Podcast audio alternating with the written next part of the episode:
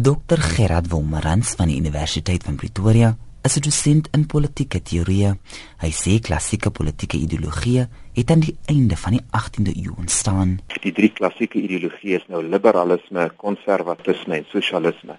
Nou hierdie ideologieë het ontstaan as alternatiewe wyse om die opkomende industriële samelewings van Europa te probeer orden.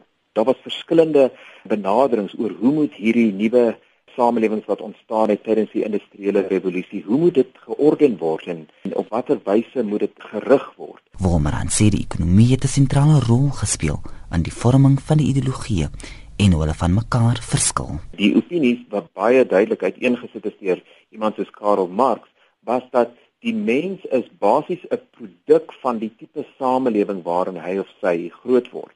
So as jy beter mense wil hê in jou samelewing, dan moet jy vir hulle beter sosio-ekonomiese omstandighede gee.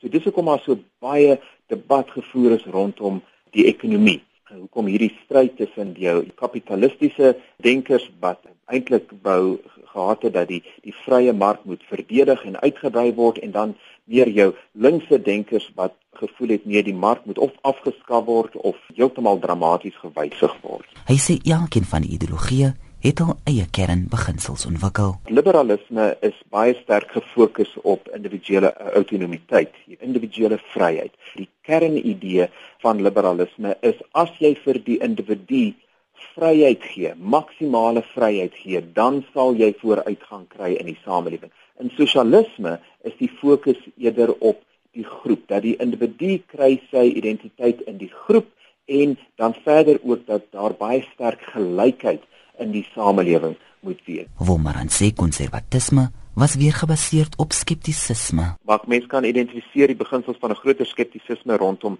die menslike rede. Jy weet dat sê die mense kan fout maak, die menslike rede is nie noodwendig so fantasties as mense altyd dink nie en gevolglik omdat jy nie op die rede kan steun nie, dan steun jy gewoonlik op tradisie.